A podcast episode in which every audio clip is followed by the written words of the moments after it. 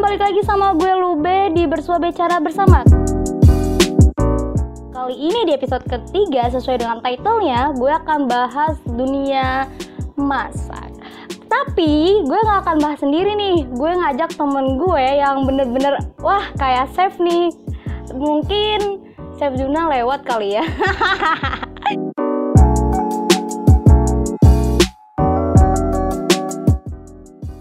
Oke, uh, boleh dong kenalin dulu nama lo siapa? Yuk.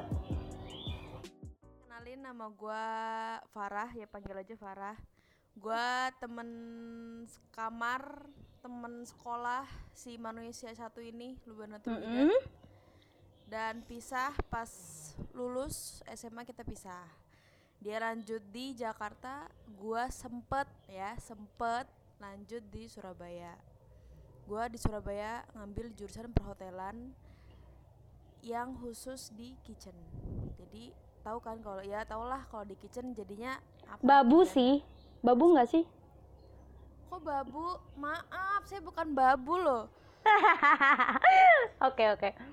Eh mau dong ceritain gimana apa ya apa sih hal yang lo suka di dunia per apa namanya perdapuran perdapuran gak sih? Bahasanya apa ya? Dunia masak lah perdapuran gak tuh? Babu banget anjir. Okay. um, gimana ya? Kayak sesuatu yang sering lo lakuin yang sering lo lihat itu ujung-ujungnya tuh lo ada ketertarikan di situ ya gak sih? Hmm. nah dan itu yang terjadi sama gue dulu pas masih kecil gue sering liat mama gue masak gue sering kayak ngebantuin. Walaupun mama gue nggak mm -hmm. buka orderan tapi ada satu dua orang yang minat untuk minta mama gue buat gitu. Jadi nah itulah saat-saat di mana gue bisa lihat langsung gimana cara buatnya gimana apa ilmunya apa aja gitu. Jadi nggak awalnya nggak formal karena udah biasa sehari-hari terus ke bawah dan dari kecil pun kalau ditanya cita-cita gue tuh nggak pernah jawab yang kayak dokter kayak jawab jadi guru atau apa pun gue nggak pernah jawab itu. Gue eh sama sama sama iya, sama sama. Gue kayak nggak pernah jawab dan karena sehari-hari udah kayak dibiasain kayak di di dapur gitu kan dan gue tuh tambah excited lagi karena ternyata tante gua itu seorang chef di salah satu restoran Itali di daerah Jakarta. Dan itu ngebuat gua wah kayak keren banget gitu kan. Terus kayak gua pas dulu sempet kayak cari tahu gitu kan kayak apa sih kalau di dapur kalau orang masak itu kerjaannya apa? Gitu. Kalau orang kalau orang sukanya ngajar gitu-gitu kan jadi guru kalau gue sukanya masak hmm. terus kalau masak kerjanya apa? Masa gue jadi pembantu? Gue kan sempet mikir kayak gitu gue nggak mau orang jadi pembantu ya kan? Habis itu gue kayak mikir wah gue kepo nih sama tante gue dan dan saat itu tante gue belum di Jakarta. Dia masih tugas di Singapura. Jadi yang di otak gue wah ini keren banget sih nih keren banget gitu. Jadi gue tapi pas masih kecil gue belum ada keberanian kayak buat nanya tante gue kerjanya di mana tante gue ngapain aja. Jadi gue cuman kayak dengar-dengar lewat-lewat dari mama gue kalau ngobrol. Kayak gue sempet nguping-nguping dikit lah gitu. Nah dari situ gue tahu. Nah abis itu ya udah kalau ditanya cita-cita gue apa? Cita-cita gue koki. Dan gue nggak tahu. Jadi babu sih. Maaf mohon maaf babu. Babu. Babu. Terus terus terus terus? gue tuh udah. hmm, gue tuh gak ngerti bedanya koki sama chef. Gue pikir itu sama dong. -hmm. gue pikir tuh tuh sama. Cuman kayak bahasa Inggrisnya aja gitu. Dan ternyata -hmm. ya, setelah gue dapet sempat dapet pendidikan tiga bulan di Surabaya itu. Tapi gini. Oke okay, sebelum kita lanjut nih gue pengen nanya dong ke lu. Lu pernah nggak sih uh, bikin suatu masakan yang lo tuh pernah gagal? Pernah nggak? Jelas pernah. Kayak misalkan nih kalau gue ya kalau gue kan lo tau kan gue pernah pas itu buat apa sih namanya apa cheese ini loh yang eh bukan cheesecake sih apa sih kayak regal-regal gitu loh tau kan lo? Yang gue udah cerita ke lo udah itu gak hampir gagal. Terus gue akhirnya buat lagi kan. Hmm. gue gue pernah bilang kan ke lu nah lu pernah nggak? Kalau gue kan kayak gitu tuh kalau lu pernah jelas jelas gagal pernah. Sebenarnya berapa kali tuh berapa kali tuh? sebenarnya sih bukan gagal karena gua orangnya tuh gini gue pengen eh itu apa tuh? gitu. Terus gue tuh kayak nggak cari tahu dulu itu bahannya apa. Jadi gue mikir dulu terus gue praktekin lu sama jadi gue hmm, sama sama sama. apa terus? yang gue kira itu bahannya gitu. Waktu itu gue ulang tahun mama gue gue pengen bikinin gimana sih ulang tahun gitu kan. Kuenya jadi Mhm. kuenya sih jadi. Gue ngeliat orang-orang kok kalau kue ulang tahun kok ada krimnya? gitu kan. Nah terus habis itu tuh kayak tuh- krim kue tuh dari apa sih? Kayak buttercreamnya tuh dari apa gitu. Terus gue gue mikir wah dan di rumah tuh ada berbagai macam tepung kan. Nah gue tuh berpikir Hmm. kalau tepung biasa dia nggak akan bisa padat. Maksud gue nggak bisa keras dan nempel. Dan di situ ada tepung maizena. Jadi gue tau nggak? Nah. Gue bikin krim buttercream buat cake buat birthday cake itu mm-mm. dari cuman tepung maizena kasih air. Terus gua tumpahin di atas kue biar nyelimputin kuenya jadi kayak krim. Dan hasilnya oh my god gue nyesel banget sih itu. Kayak bodohnya gua. Ya bodoh amat sih. Nggak bodoh sih gue masih kecil gue nggak ngerti ya. Jadinya ya udah tepung kasih air terus lu kasih di kue yang ada rasanya tapi kayak gitu jadi ini kan ya jadi lo kan kayak ngerasa nyoba-nyoba pengen nyoba terus pengen nyoba terus karena ya kan? Ya jelas. Kan ada pep- ada pepatah yang ngomong kalau misalkan orang sukses itu berawal dari kegagalan ya ya nggak? bener. Kayak uh bijak banget gue. Ya, kayak udah gitu eh kalau misalkan gua kepo sama suatu masakan gue tuh nggak pengen beli. Hmm. biasanya orang kan kalau pengen kan beli. Kalau gua nggak gua ngeliat Hmm. wah gue pengen ini gitu. Terus gue cari tahu eh, bahannya apa cara buatnya gimana. Terus terus gua mikir ini gua bisa nggak ya buat? Gitu kan. Nah Hmm. ini tantangan gua. Gue kadang milih gue nggak usah buat lah apa gue buat aja gitu. Satu kalau gue buat gue paling males dengerin ocehan mak gue kalau kamu tuh abis abis masak tuh nggak pernah diberesin. Kamu tuh abis makan tuh semua tuh berantakan gitu gitu kan. Terus kayak semangat gue yang tadi mau buat tuh kayak diberantakin aja gitu. Kayak ya udah maksud gue ya mak tak dulu gitu loh mak. Gue gue mau praktek gitu loh. Di iya mana-mana mak. mak momon. Di enggak di, eh, di mana-mana orang praktek trial ya nggak nggak ada kerapihan dong. Maksudnya masih bingung kan ini apa ini apa gitu. Gue kayak udah malas duluan gitu jadi kalau mau bikin-bikin nunggu mak gue pergi dulu atau mak gue kerja dulu di rumah kosong baru gue beraksi. Dan dan kadang kalau misalkan gue lagi kayak error tele- teledor gitu kadang gue udah lupa aja gitu nggak gue beresin yang abis bahan-bahan yang alat-alat yang gue pakai. Jadi udah berantakan terus mau bikin lagi diocehin lagi. Tapi ya bikin lagi aja terus sampai kayak dan satu resep pun itu mungkin gue bisa sampai lima atau empat kali trial biar jadi sesuai biar sesuai sama apa yang lo inginin gitu? yang gue pengenin terus kayak pas gitu loh. Dan menurut gue kalau cuman Hmm. masakan lu coba pakai lidah lu sendiri itu nggak fair. Jadi kalau misalkan sama kayak makanan nggak semua orang itu seleranya sama di satu makanan itu. Jadi misalkan kalau gue buat menurut gue rasanya udah pas tapi gue perlu jawaban dari orang lain. Menurut orang tuh ini rasanya kayak gimana gitu kan apakah ini rasanya umum se- yang semua orang bisa suka atau ini cuman lidah gua aja apalagi gue punya apalagi gua orangnya itu suka makanan yang lebih asin dari orang-orang lain exactly me Iya, jadi tuh susah gitu. Jadi kalau masak kadang gua gue takut gitu kan.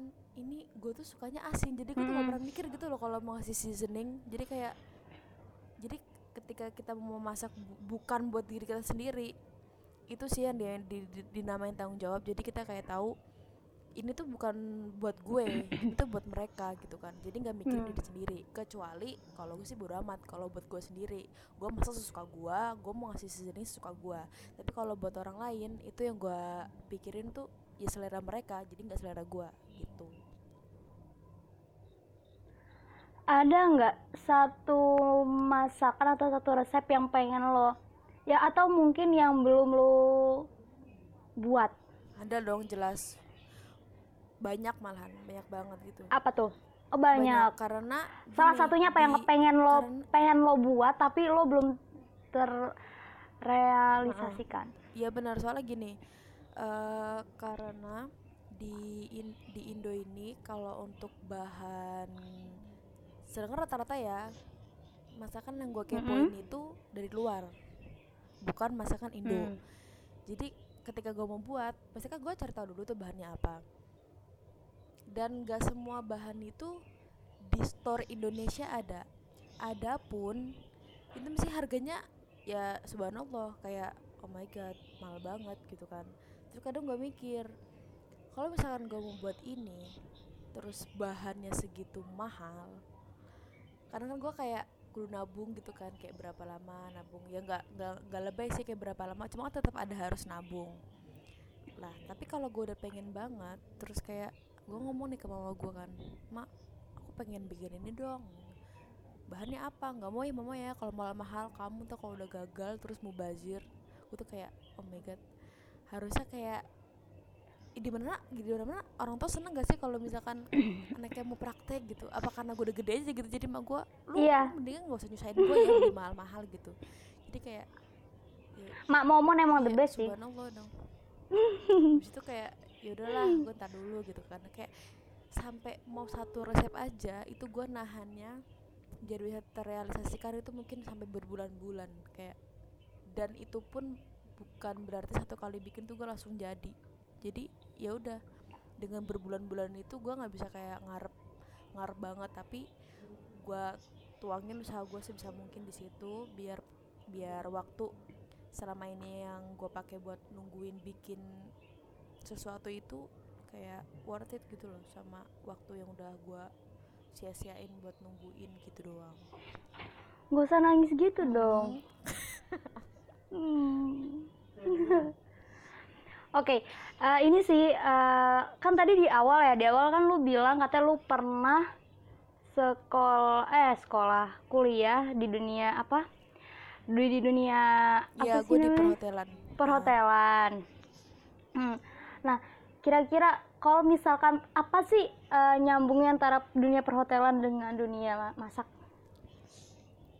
nyambung karena eh, gini perhotelan itu kayak dia induknya gitu kan. Hmm. eh orang tuh nggak ada kayak kayak misalkan mungkin ada ins- eh, mungkin ada satu i- ini apa kayak pendidikan yang dia cuma ngajarin kayak kuliner aja. Cuman menurut gua kalau karena di Indo ini masih jarang yang kayak gitu jadi mereka digabungin sama hospital sama hospitality kalau di luar dia udah banyak kayak khusus kulineri Nah, kalau di Hmm. Indonesia itu masih jarang. Adapun dia tetap pakai sistem belajar dari luar karena sebagian besar yang punya eh, apa lembaga pembelajaran khusus kuliner di Indonesia itu rata-rata lulusan luar. Jadi mereka ngambil sistem luar, dicontoh, terus nanti dipraktekin di Indonesia. Jadi makanya di makanya Boleh di eh, Indonesia digabungin sama sama hospitality gitu. Jadi di dalam hospitality itu dibagi. Hospitality itu maksudnya nggak cuman buat hotel aja. Dia hospitality itu ada buat tourism juga kan. Jadi dibagi yang tourism iya. tourism, yang hotel-hotel, yang untuk tiketing pun ada dia sendiri pembelajarannya dan di kitchen terus itu ada yang guide-nya juga yang buat ke kamar-kamar. Ih, sumpah itu ya itu jelas perhotelan itu dipraktekin. kalau kebagi gitu susah banget. Ber- itu itu di- jelas dipraktekin semua kayak lu kayak jadi bellboy ya lu praktek jadi bellboy lu jadi Mm-mm. front office ya lu praktek Sumpah. jadi front office gitu sampai Makanya kadang makanya gue kalau ada tugas kuliah perhotelan pasti ke lu kan? Mm-mm. pasti. Sumpah. Cuman serius. Eh, guys siapa pun yang mau nih ya yang kalian punya tugas perhotelan atau hospitality silakan eh, mampir ke IG-nya Farah at Farah Dibate. Nah fix. Jawaban lo pasti bener semua. Nggak nggak nggak I love you. Farah. ya maksudnya nggak nggak semua nyangkut sumpah nggak semua nyangkut. Dan gue paling males kalau masuk ya itu pelajar ada pelajaran nggak gue seneng ya perhotelan Oh ya, mau nanya lagi dong. eh, di dalam di dalam dunia masak nih. Wih. di dalam dunia masak nih. Apa yang harus diperhatiin selain dengan apa selain rasa? Iya, selain rasa. tampilan dong jelas Apa yang harus diperhatiin? Tampilan Tampilan. Oke, terus Eh, selain dua itu deh. Kayak rasa jelas tampilan harga. Kadang Mm-mm. orang pengennya murah terus enak gitu kan. Jadi Mm-mm. kadang jadi penjual tuh kayak pusing gitu loh. Dia mau mempertahankan kualitas rasanya. Tapi terkadang kalau harga lagi naik terus bisa apa gitu kan. Makanya pedagang yang bagus menurut gue tuh gini dia nggak mau kehilangan pelanggan karena rasanya berubah jadi mending dia naikin harga gitu loh dan pelanggan yang pinter dia kayak Hmm, bener. ya udah gitu daripada rasanya beda terus di mana lagi dia bisa dapat rasa yang pas di lidah mereka gitu loh jadinya ya itu menurut gue yang cerdas ya dia mau bayar kalau mau ada rasa gitu tampilan juga Eh. Maksudnya banyak kan yang Iya. tampilannya bagus terus kayak rasanya padahal biasa aja gitu. Itu ba- bagi gue nonsens sih. Itu kayak Bener banget. nggak ini banget. Banyak banget sih parah. jadi kayak kayak ini kayak ini anjir apa eh depannya I belakangnya N. Restoran itu sumpah. Lo pasti tahu restoran Jepang yang depannya I belakangnya N. Dan itu bener-bener dia tampilannya bagus cuma rasanya bener-bener nggak nggak enak banget rasanya. Lo tau lah restoran Jepang depannya, depannya I, belakangnya N. Ada haknya pokoknya. Masa gua sebutin kalau gua sebutin nanti yang ada ini lagi. Gua gua harus di endorse sih kalau gua sebutin. Oh, I know. Iya, iya. Paham, paham Ya kan? gitu. Kalau gua nyebutin berarti gua harus di endorse sama restoran itu. Oh, boleh. Wajib sih. Ayo di tag coba di tag. Enggak, jadi gini. Eh bener kan? Bener kan dia Iya. dia ras- rasa apa ya? Dia platingnya bagus banget, tampilannya bagus banget, tapi bener-bener tuh rasanya nggak nggak ada ya nggak Rah? Ya, dan nggak makanya itu Kalau semua bagi gue gitu. resto besar itu makanannya tuh selera pas di kita gitu. Jadi menurut gua untuk masalah makanan kalian tuh nggak perlu gengsi. Terserah tuh mau beli di mana. Yang penting kalian tuh tahu gitu loh itu bersih atau enggak.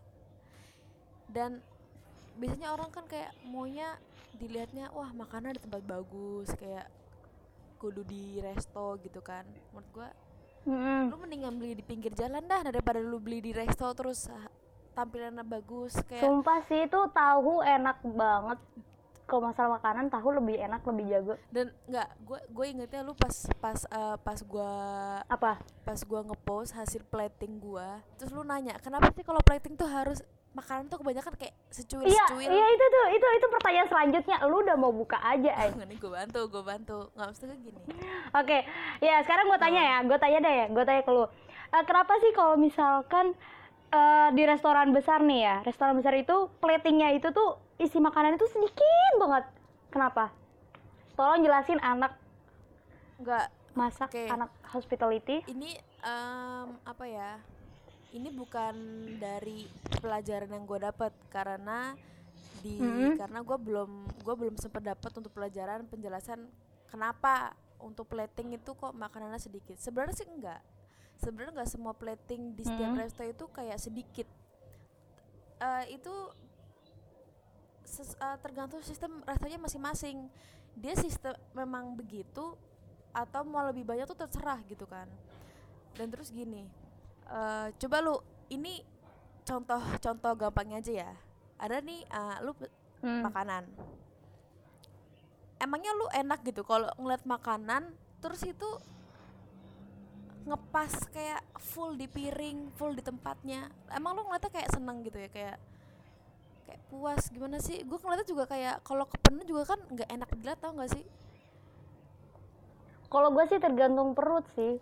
Kalau perutnya emang lapar ya udah gue penuhin. Tapi kalau emang enggak, terus gue juga nggak mood, ya udahlah sedikit aja juga nggak apa-apa kalau gue gitu ya kan gue anak warteg eh, iya warteg for life dan kalau ini menurut gue ya kalau menurut gue misalkan eh, plating Hmm. yang makanan sedikit sekarang gini orang-orang res eh, enggak gini restoran-restoran yang eh, yang nyajiin makanan dengan plating isinya sedikit itu tuh biasanya kalau nggak isinya orang-orang kaya konglomerat ya nggak mana ada orang Iya. orang biasa Eh lu tau gak sih yang ini loh makan apa restoran yang di Jakarta yang dia ini eh nggak tahu Jakarta apa Bandung pakai jas hujan terus yang harga termurahnya itu sa- satu juta dan harga ter- tertingginya itu 10 juta Ya. yang pakai jas hujan Hmm. Itu jadi ya iya eh, sih emang gini, bener. kayak jatuhnya tuh gini. Iya nggak sih? Kalau restoran juga itu kayak levelnya beda.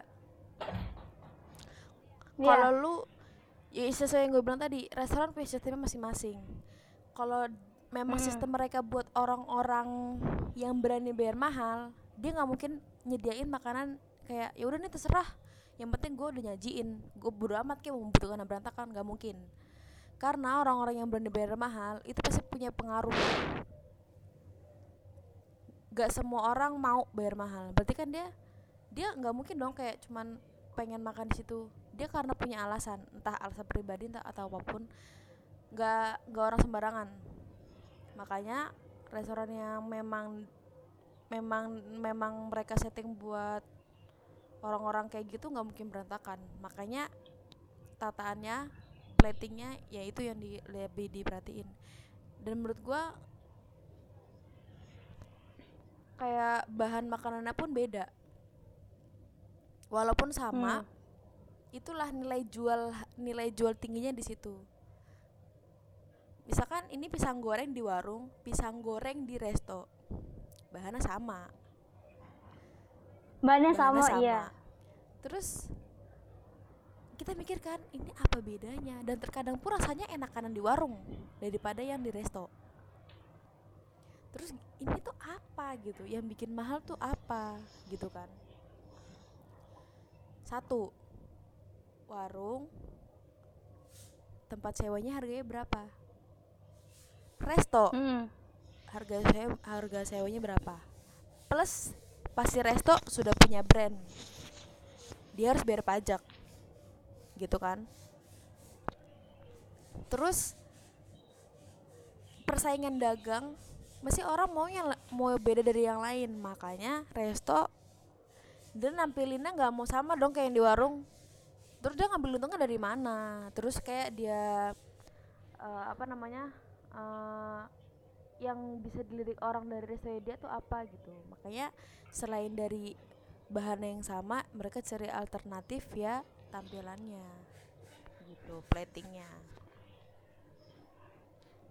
Sama halnya kayak ini kan kayak apa di apa misalkan pisang gorengnya di parkor kayak gimana ya kan ya?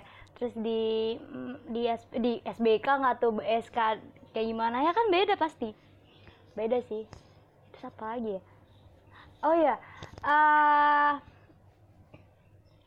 gi- ini nih eh, misalkan tips lo nih gimana cara nakarin yang nakarin yang sesuai dengan apa ya yang pengen lo buat apa ya bahasanya gimana ya? Eh, gimana cara lo tahu atau nakarin suatu bumbunya itu versi lo tapi versi lo oh kayak suatu rasa yang Iya, lo kadang itu, kadang lo kan eh ini ininya seberapa? gitu kan. Ini seberapa? gitu. Iya. Eh me- eh, orang itu kadang kan mesti nanya resepnya dulu kan. Resepnya apa? gitu kan. Cara buatnya gimana? Orang kan misalkan lu nanya ke gua gua ngasih nih resepnya ke lu. Hmm. nah terus nanti lu lihat tuh bahan-bahannya. Berapanya berapanya berapanya. Terus habis itu eh misalkan lu tanya seberapanya karena gua udah ngasih resep ke lu lu lu ini itu bisa dibaca dari resepnya itu tuh. Bisa dikira-kira. Kalau misalkan lu sukanya asin terus misalkan di situ garamnya kurang lu bisa tambahin sendiri. Dan enggak dan nggak nggak semua resep itu 100% bener. Jadi misalkan lu nya lu searching resep di Google entah di mana pun entah di apps sekalipun lebih baik lu cross check ulang. Dan lebih baik lagi lu apa nggak lu ikutin seutuhnya nggak lu telan bulat-bulat lu otak atik lagi deh kalau menurut gua. Karena gua udah sering nemu resep yang otak atik gak tuh soalnya kayak kesel aja gitu kan terus apa apa apa manfaatnya gue udah searching gue pengen yang bener terus dapetnya nggak genah gitu loh. Jadi Hmm. jangan 100% percaya sama yang di luar kecuali lu nanya sama ahlinya dan yang pernah buat langsung. Itu ya lu tiru 100% nggak apa-apa dah karena kalau misalkan ada ada yang fail juga lu bisa nanya langsung. Tapi kalau ke resource yang lu nggak tahu tuh dari mana mending lu pikir ulang lu teliti lagi Oke, ini pertanyaan terakhir ya. Eh, kan lo pernah nih ngerasain perkuliahan eh, hospitality juga kan? Nah, apa suka dukanya lo per, apa kuliah di sana dan sela, apa ya se- sebelum sebelum lo kuliah di sana dan sesudah lo kuliah di sana? Suka dukanya ataupun perbedaannya? nggak ada yang nggak ada yang beda jauh sih. Cuman emang emang beda ya rasanya. Kayak lu kuliah yang sesuai harapan lu terus lu udahan udahan gitu. Kayak ya ampun ini tuh yang selama selama ini gue pengen terus terus lu lepas gitu. Terus lu ngambil jurusan lain itu pasti rasanya beda semangatnya tuh beda. Kayak gue gue dari awal kayak udah komitmen gitu kan gue nggak mau nih. Gue dari, dari dari dulu sekolah tuh kayak nggak pernah bener nggak pernah belajar masuk jarang-jarang. Ini gue Tapi itu lo ya, bukan gue. eh, eh, eh, apa mbak? Yang makan di warung. Lanjut. jadi kayak dari awal tuh kayak gue nggak mau ah. Karena ini sekolah gue udah kayak keinginan gue kan mimpi gue gitu gue jadi nggak mau asal-asalan Hmm. gitu. Gue pengen kayak sekolah gue ini kali ini bener. Malah gue tuh pengen udah ngebayangin nanti kalau gue udah lulus gue pengen gue pengen jadi yang terbaik gitu. Gue nggak mau bolos gue nggak mau skip satu matkul pun. Tapi kalau misalkan ya memang dikasih jalan lain ya udah ikutin aja gitu kan. Beda. Semangatnya tuh beda. Kayak walaupun ada satu dua matkul yang lu tuh nggak suka lu kayak males ngikut. Tapi serius deh itu rasanya tuh beda. Walaupun lu males tapi karena itu udah udah dari hati tetap ikut dah. Yakin sama gue mau nggak mau.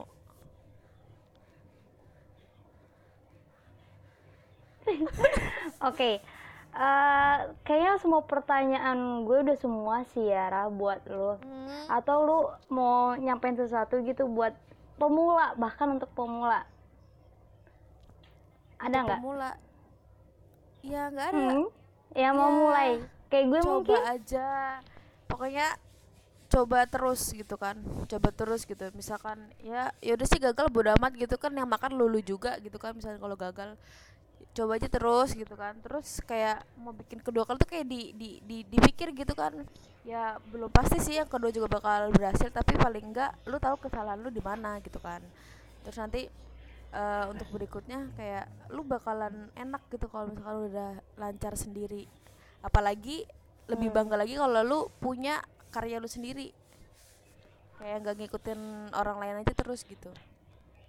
Pokoknya ya udahlah Bener kayak banget. jangan jangan pengennya tuh kayak gue pengen ini terus kayak instannya gitu kayaknya nggak enak banget kan paling nggak kan lu tahu gitu kan kayak setidaknya ilmu lu nambah gitu ini tuh dari apa gitu Utuh, utuh, utuh. Wow, ada suara petir guys. Oke, eh, mungkin segitu aja kali ya Mbak Farah ya. Hmm, thank you Kakak Farah. Segitu aja. Oh ya untuk uh, oke uh, everyone untuk kalian yang mau request lagi nih uh, untuk podcast episode selanjutnya boleh uh, email yang ada di bio ataupun di Instagram di Instagram gue dan udah ada di bio.